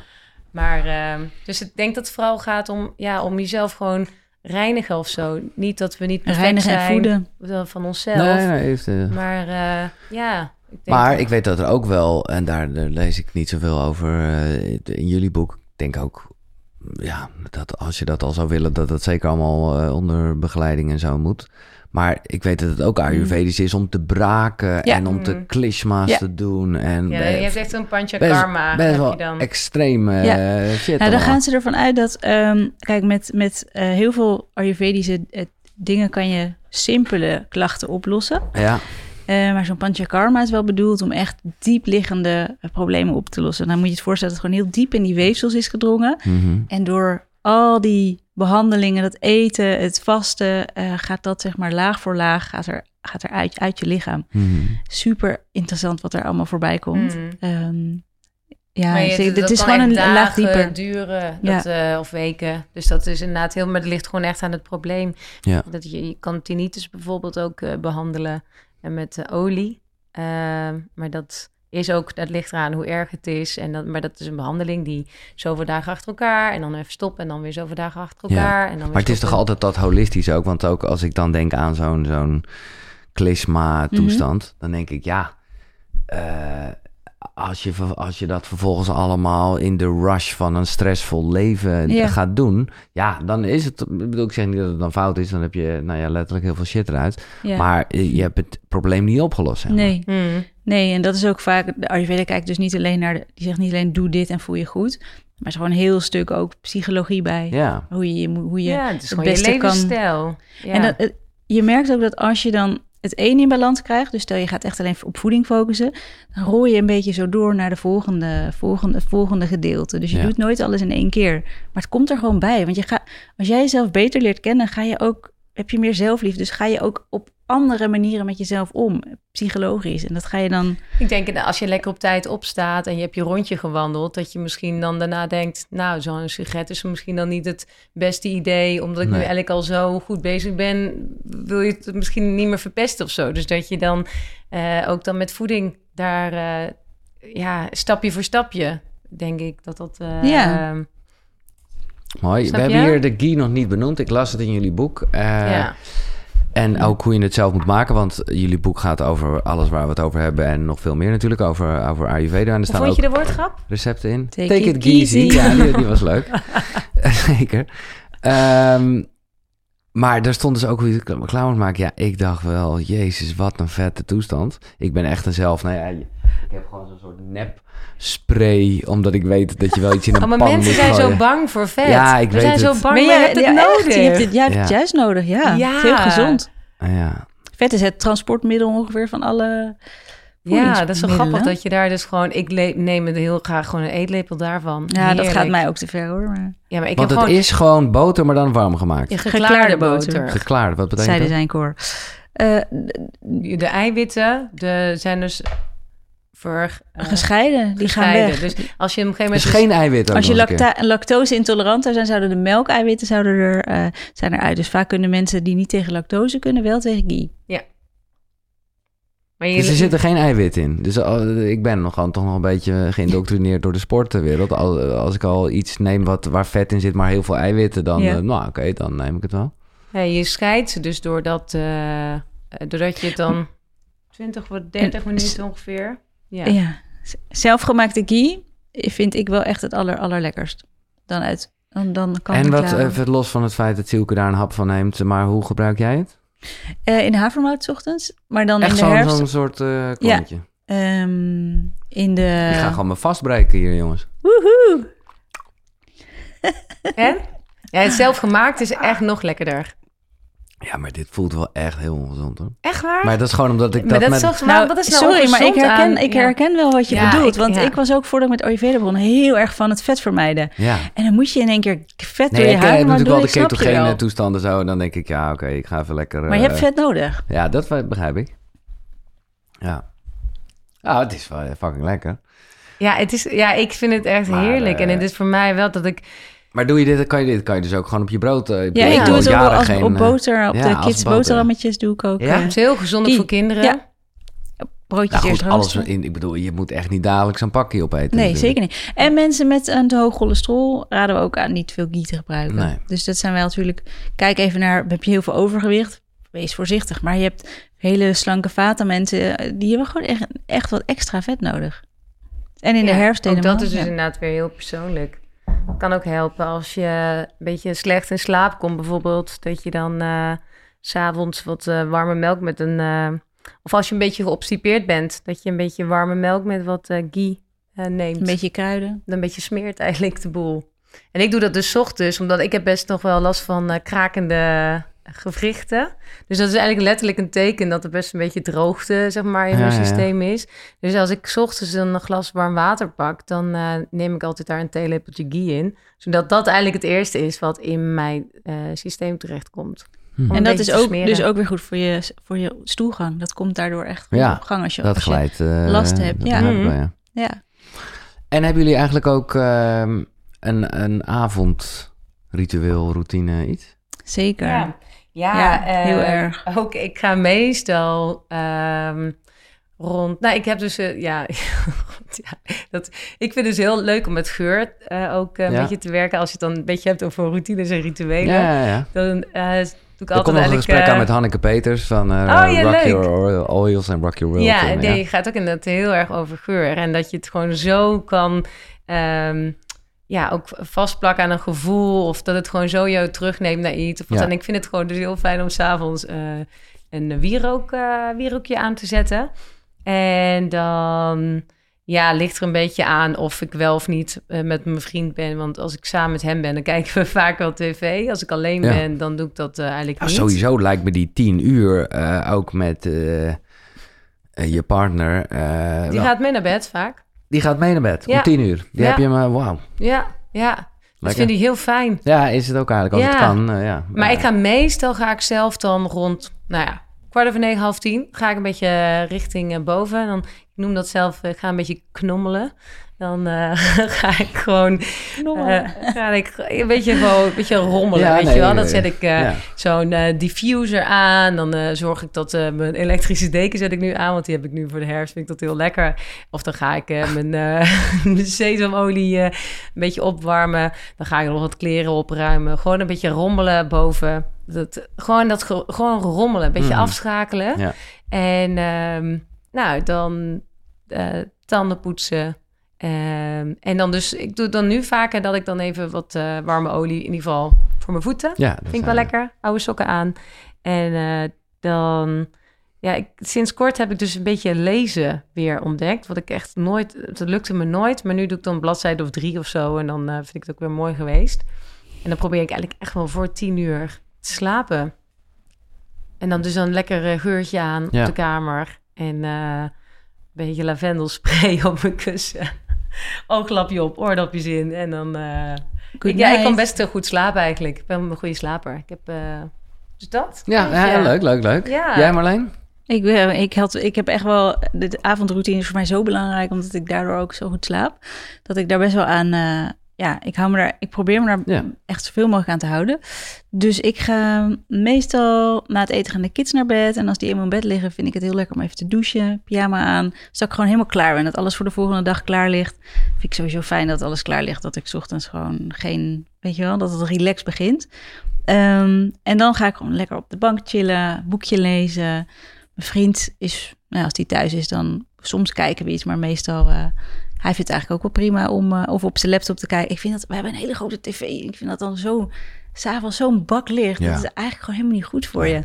Dus eh, die gaat vaker niet aan. En dan, eh, als ik wel iets kijk, dan zet ik altijd mijn uh, onwijs sexy oranje bril op. Ja, dat is ja, ja. zo'n bono. zo eh, grappig. Ja, ja, ja. Maar dat is wel ja. iets wat, eh, wat wel, wer- wel werkt. Ja. het ziet er niet uit, maar het is ook wel een beetje grappig. Ehm, boekje lezen. En ik probeer altijd een kaarsje aan te doen. Gewoon een beetje de lichte gedimd. Het helpt gewoon om die melatonine aan te maken. Ik maak altijd een lekker eh, slaapmutsje met anijs eh, of, of met iets van... eh, Sherry. met sherry, ja, dat deed ik altijd. Enorm van. Ja. Vreselijk, ja. Ja. Maar dat is nu eh, vervangen door eh, iets met eh, melk en kruiden. En dan ga ik naar bed en daar doe ik vaak een yoga nidra. Eh, omdat ik, moet, ik moet gewoon heel erg schakelen altijd Ja. tussen de dag en, en ontspannen. Dus dat gaat Dus dat, mij is, echt dat in klinkt als fases. oefeningen, maar dat is gewoon een, een geleide gewoon meditatie. liggen. Eh, ja. ontspan je, bla Ja. bla bla. Ja. En dan doe ik vaak, terwijl ik in slaap val, nog een slaapmeditatie die mij in slaap laat vallen. Omdat ik anders gewoon, ik, ik heb gewoon zoveel moeite om, die, Ja. om me over te geven aan, aan slapen. Dat, dat is mijn, eh, dat, dat maar werkt dus voor mij. Voor jou ook als echt je het zo niet goed. doet, dat je gewoon ook echt merkt dat je dan... Dat is toch een eh, heerlijke houvast, ja. En, Ja. het, en, en ik probeer echt na acht uur niet meer te werken. Want dat is wel iets wat ik graag doe. Mm. Dat vind ik erg fijn, s'avonds werken. Maar mm. als ik dat doe, weet ik dan... eh, is het plafond staren tot een uur of twaalf, één uur. En dan, eh, ja. ja. Eh, lezen kwamen jullie alle twee naar voren. Dus dat brengt me automatisch bij de vraag die ik aan iedereen stel. Namelijk, wat zijn drie boeken die in jullie reis als mens eh, van invloed zijn geweest? Eh, En jullie delen het een beetje. Ja, Of Ja, nou mijn grootste, noemen. het, Ja. ik denk dat het grootste clichéboek is, maar daar begon het bij mij wel. De kracht van het nu was echt het boek waarvan ik voor het eerst begreep Ja. hoe dat werkte. En ik kan me nog wel herinneren waar ik zat toen hij, toen hij dat stukje las over die boom die hij ineens echt zag. Ik kan me gewoon nog herinneren. Dat is zoveel jaar geleden al. Dus dat is wel een... eh, Eckhart Ja. Tolle, ja. Oké, top. Eh, de cyclusstrategie van De Macy. Hill. Is dat eh, wat ik denk dat het is? Ja, het gaat over de, je vrouwelijke cyclus. En dat je eigenlijk die eh, leert kennen. En ook weet eh, wat het met je doet, de hormonen, op welk moment. En dat je daar dan ook rekening mee kan houden en eigenlijk naar kan gaan leven. En zij heeft uiteindelijk dat je je cyclus kunt zien in... eh dus net iets anders dan in Ayurveda, maar ik vind het wel een mooie vergelijking met de vier seizoenen.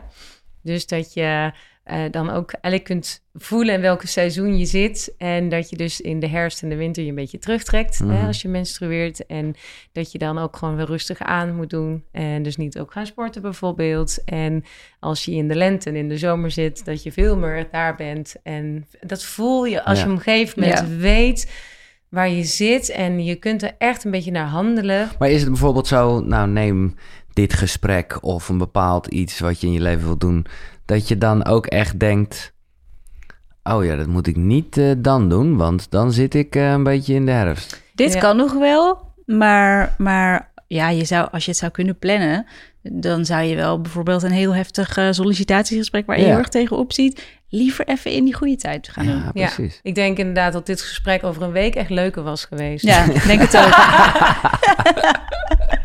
Je zit hier met twee menstruerende vrouwen, Giel, aan tafel. Nou Besef ja. dat even goed. Het is hier winter eh, aan de overkant. IJskoud. IJskoud. Lopen jullie gelijk? Ja, Oh, top. Oké, eh, ja, de ja dus de cyclusstrategie. cyclusstrategie echt een, eh, Een aanrader.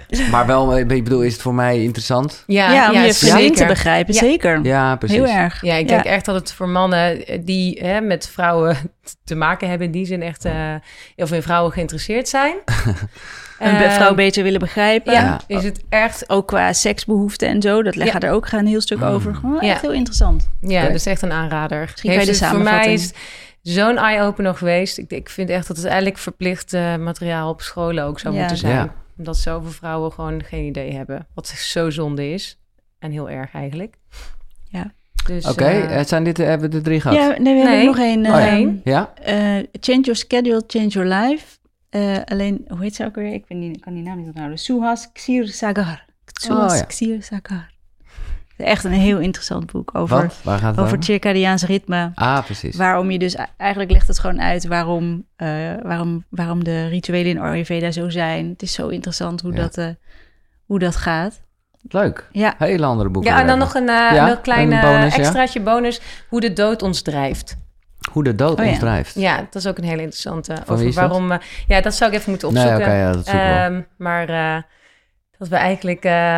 Heel veel keuzes maken vanuit de angst voor de dood. En dat. eh, Maar we- hier komen we op terug.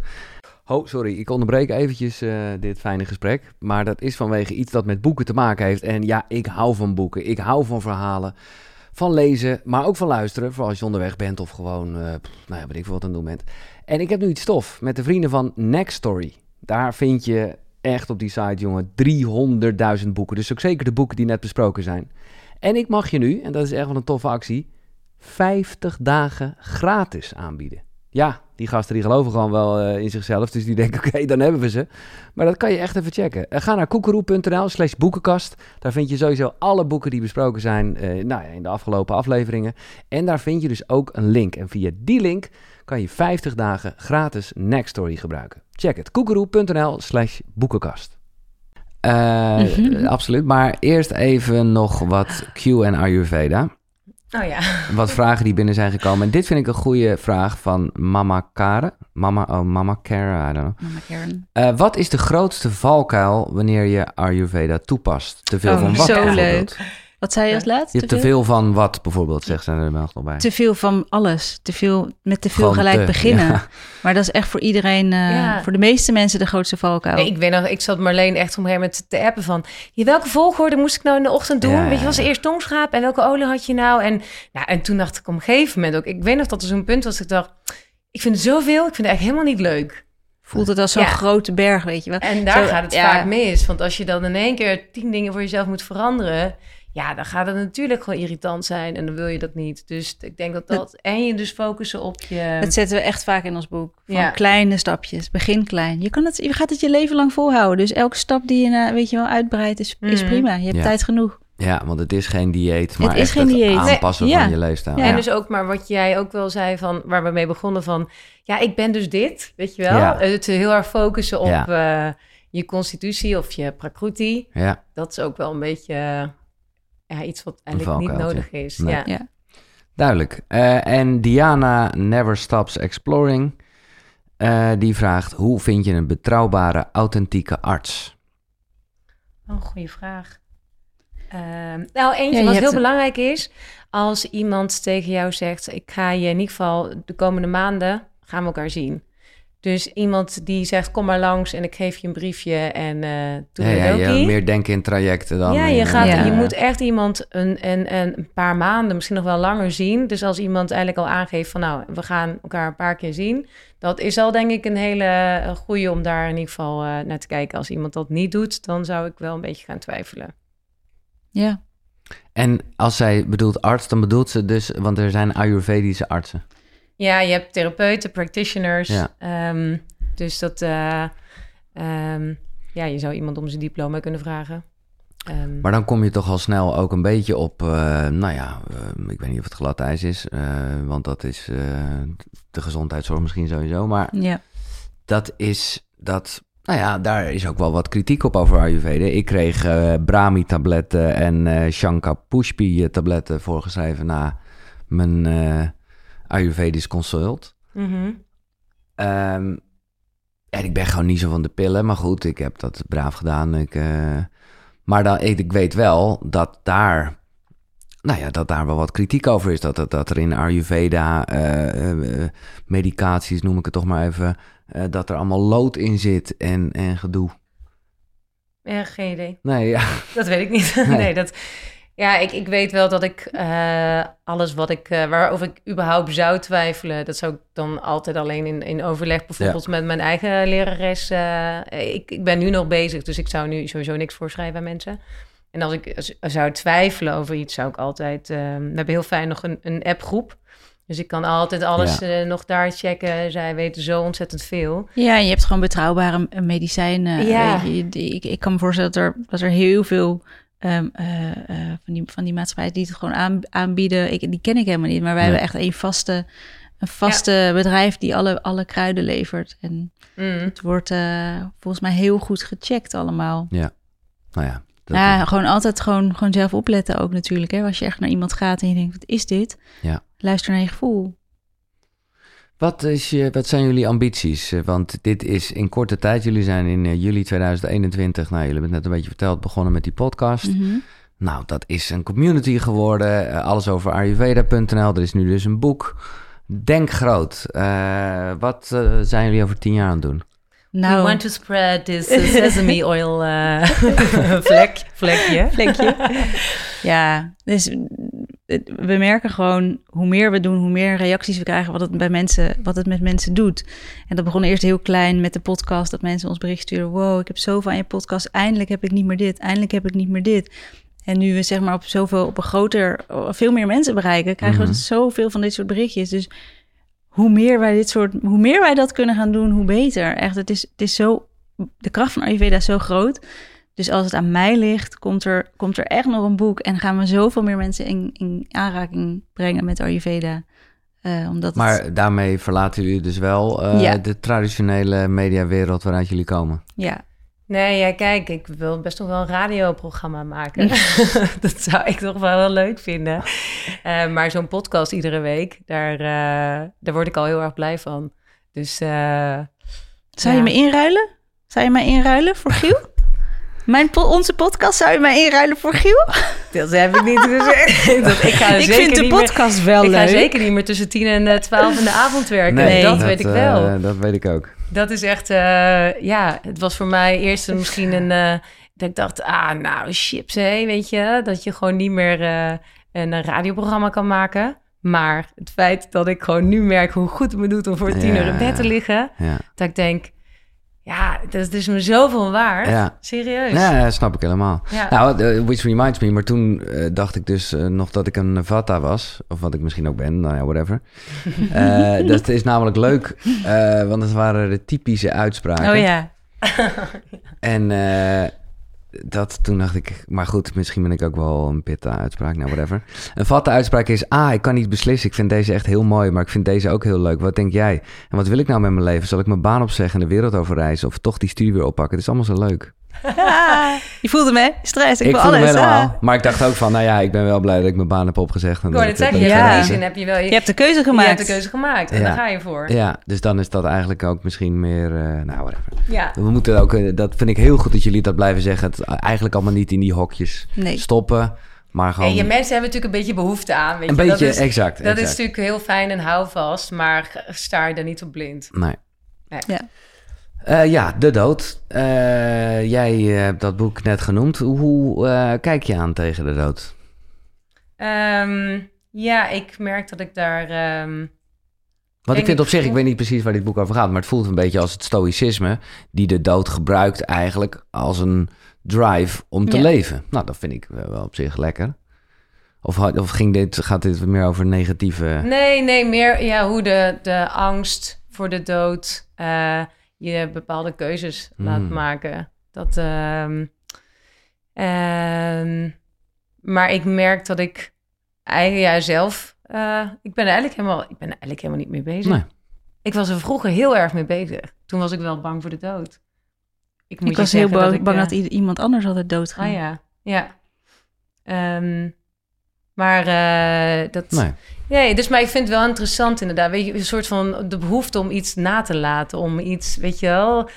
Waarom, waarom doe ik dit bijvoorbeeld? Hmm. Waarom doe ik yeah. Ayurveda? Waarom breng een boek? Waarom, Weet je, dat is natuurlijk heel interessant. Van, ja, je, je, wil, wil je gezien worden? Wil je iets vertellen? Wil je iets nalaten? Wil je dat? Dat vind ik wel een interessant gegeven. Ja, dat is toch een beetje wat doe je? Waarom doe je wat je doet? Nee, maar, maar... Uh, Marleen, hoe sta jij erin? Jij was dus bang voor de dood. Heel meer dat mensen dood zouden gaan. Ik was echt zo'n kind dat dan als mijn vader ging werken, dat hij dan weg, zag ik hem weglopen vanaf oh, mijn balkon. En dan keek en dan dacht ik echt, oh, als die dood gaat. Dat, nou ja, en ik dacht dat echt heel vaak. Dus ik was er best wel heel erg mee bezig als kind. Uiteindelijk is mijn vader ook overleden. En dat, dat dat was dus mijn grootste Heb je gemanifesteerd? Nee, nee ja, heb ik eigenlijk gemanifesteerd. ja, nee, maar natuurlijk, het is heel, heel erg. Maar daardoor heb ik wel een ander soort relatie met de dood. Omdat het al gebeurd was en ik leefde daarna nog steeds. En ik kon nog steeds verder leven. Maar sinds ik kinderen heb, is daar wel weer een extra dimensie bijgekomen in. Dat ik het wel ik moet er niet aan denken, weet je wel. ik, ik, kan er niet aan denken. Maar kinderen weten ook gewoon, zoals zij als zeggen... mama, mhm. jij gaat dood ooit. Dan weten ze gewoon, dan zien ze aan mijn hoofd van oké, mama vindt het gewoon niet zo'n leuk onderwerp. Ik vind dat gewoon, ik vind het zo confronterend. Ik wil zo, ik heb zoveel ik, lust for life, zeg maar. En dan zou ik dat, als ik erover nadenk, vind ik echt heel, maar heel ik denk eerder na over de dood van mijn kind dan van Ja, mezelf. dat begrijp ik. Ja, dat ja. is... eh, Allebei. Ja. Ja. Maar hoe, en, en tussen de regels door hebben we dat vast wel een beetje gehoord, maar ik stel toch de, de vraag maar even. Hoe, hoe eh, spiritueel zijn jullie? Wat denk je bijvoorbeeld dat er gebeurt? Als ik, gel- je ja, nou dat ik geloof heel erg dat er meer is. Ik heb eh, meerdere readings gedaan en ongelooflijke dingen gehoord van eh, mijn vader. Eén klein voorbeeld is de, de eerste reading die ik deed was... Ik zei s'avonds, zei ik, eh, oké, ik weet gewoon echt niet meer wat ik met mijn leven wil. Pap, wil je me alsjeblieft een teken geven? En we komen de volgende dag kwamen we met mijn zusje en mijn moeder bij die, eh, bij die man. En die, eh, we gingen zitten en hij was heel veel stil. En hij zegt, ik heb een boodschap voor jou. En hij ging mij vertellen wat ik moest doen. Hij zei, je moet doorgaan met wat je aan het doen bent, maar dan anders. Nou, weet je wel. Ja, Ik was helemaal... Hij zei, dat is ook van mijn vader. Was. Ik vond het zo bijzonder. ja. En zo zijn er zo vaak dingen... Er zijn zoveel dingen, als je ervoor open staat, die Mhm. je ziet. Dat is ongelooflijk. Dus ik ben, ik ben wel ja, heel spiritueel daarin. Ja. Ja, ik heb dat minder. Ehm, maar dat is denk ik wel iets waar ik... ehm, nou, iets wat ik misschien nog eens nog kan ontdekken of zo. En dat vind ik juist eigenlijk alleen maar heel erg leuk. Want het is niet dat ik daar niet voor open sta. Ehm, ik denk dat ik daar gewoon eigenlijk nooit echt mee bezig ben geweest. Maar bijvoorbeeld dat ik dus nu binnenkort samen met mijn vriend zo'n Ja. afspraak heb voor Jyoti's, eh, voor zijn Ayurvedische astrologie. Ik heb er heel veel zin in. Ik ben gewoon wel heel benieuwd wat daar wordt gezegd, wat daar uitkomt. Ehm, dus ik, ik merk dat het nog een deel is van mij wat, ja, wat misschien nog wel gaat groeien. Of Ja. waar ik, ehm, Maar in ieder geval Eh, nieuwsgierig naar bent, ja. Maar, ja, waar ik nieuwsgierig naar ben. Maar in die zin... en wat denk je nu dan dat er gebeurt? Over de dood gaan toch nog even? Ja, ik, ik heb serieus, ik denk daar helemaal niet over na. Nee. Totaal niet. Nee. Ik ben daar gewoon helemaal niet mee bezig. Nee. Dus, en, dus in die zin ben ik wel dan redelijk, denk ik, in het hier en nu. Dus eh, dat vind ik eigenlijk ook al heel erg eh, prettig. ja, dus eh, Ja. present. Ik ben gewoon present. eh, ja. En hoe, want en daar, daar, daar eh, begon jij al een beetje over, vond ik heel mooi. Eh, en ik wil die vraag ook aan jou stellen, Marleen, maar jullie alle twee. Hoe wil je herinnerd worden? Ik, ja, ik zou herinnerd willen worden als iemand die er gewoon iets heeft bijgedragen. Ik heb heel erg de behoefte om, om iets te doen wat anderen helpt. Waardoor, weet je wel, waar...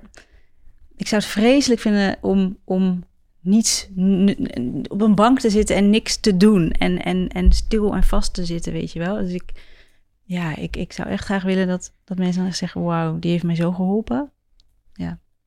Mooi, Silke? Mm, eh, ja, even denken. Ik denk dat ik het leuk zou vinden, fijn zou vinden als eh, mensen gewoon, eh, als die warme herinneringen of zo aan me hebben. Ik weet niet, wat zou jij op mijn begrafenis zeggen als ik Nou, jou? Dat vind ik echt om gek. een- Maar, maar, warme herinneringen zeker, maar ik weet niet wat ik zou speech zeggen. te schrijven. Dan zou ik super doeipoes zeggen. maar- ja, precies. Beetje humor. Ik hoop dat ik mensen een beetje Ja. humor heb gebracht. Wat, eh, ja, ik, ik ehm, ben denk ik niet heel erg bezig met een soort van eh, echte nalatenschap of zo. Nou, ik nou, hoop nou, vooral eh, dat... hallo. ja, eh, maar dat is dan dus je niet hebt, echt eh, met Je het... bent moeder, ik... Ja, ik zou het leuk vinden als mijn kind wel goede warme herinneringen aan me Ja. heeft. Dat het een fijne, veilige, liefdevolle basis was. ja. Dat vind ik eigenlijk het belangrijkste.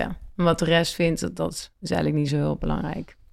Alles over Ayurveda. Gezond en gelukkig leven met een korreltje Himalaya zout. Eh, dames, dank. En misschien kunnen we in de toekomst nog meer mooie dingen... koekeroes eh, versus alles over Ayurveda doen. Want Ik vind het echt Leuk. top. eh, Heel erg leuk. Ja. Superleuk. Nou, En bedankt voor, eh, voor, voor de Guy, de tongschraper, de nieuwe die... eh, en eh, nou ja, gewoon bedankt voor jullie tijd en heerlijke energie. Ja, super doei, Boes. Jij Ja, dankjewel. super. dat zeiden wij vroeger dus altijd. Dus niet uit te leggen, maar goed. Eh, bedankt voor het delen. Oh ja, ik ga iets van jullie rippen. Eh, laat een recensie achter. en mi- Misschien dat ik hem voor ga lezen. dat is een goeie. Wij geven er wel een cadeautje bij. geven- ik zal nog even iets van een... eh, Een potje gie. Van mijn tongschraper. Ja. Alsjeblieft. Eh, bedankt. Deel het vooral. Dit was Koekeroe. Tot de volgende zonnegroet. Hoi.